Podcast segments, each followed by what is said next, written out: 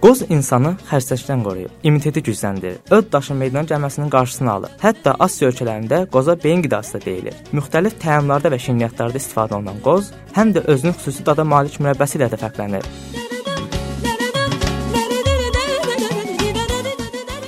Qoz mürəbbəsi əsasən Azərbaycanın Balakən, Zaqatala və Naxçıvan zonasında məşhur sayılır. Ləzzətli olmaqla yanaşı, faydaları da çox olan bu mürəbbə insan orqanizmində yod, həmçinin C, Y və B vitaminlərinin çatışmazlığını aradan qaldırır.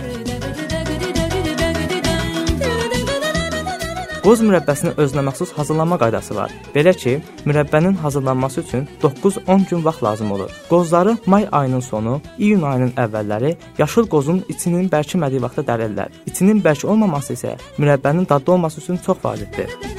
Dərilən qozlar soyunmağa başlanılır. Yaşıl qozun tərkibində yod çox olduğu üçün soyarkən əldə qara ləkələr əmələ gətirir. Tərkibində olan acılığın getməsi üçün soyulan qozlar suya qoyulur. Bu prosesi 3 gün davamlı olaraq suyu bir neçə dəfə dəyişərək davam etdirirlər.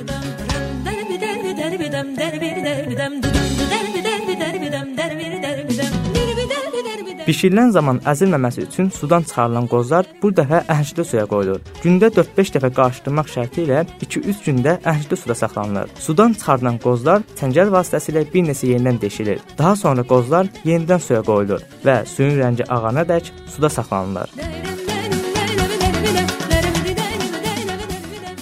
Sonrakı prosesdə qozlar qaynar suda bişirilir. Mürəbbə üçün şəkər tozu və mixəcdən şərbət hazırlanır. Qozlar şərbətin içinə əlavə edilib qaynamağa qoyulur. Sonda qaynamış mürəbbəyə limon duzu əlavə edilir. Limon duzunun qatılmasının səbəbi isə yeyərkən qozların bərk olması üçündür.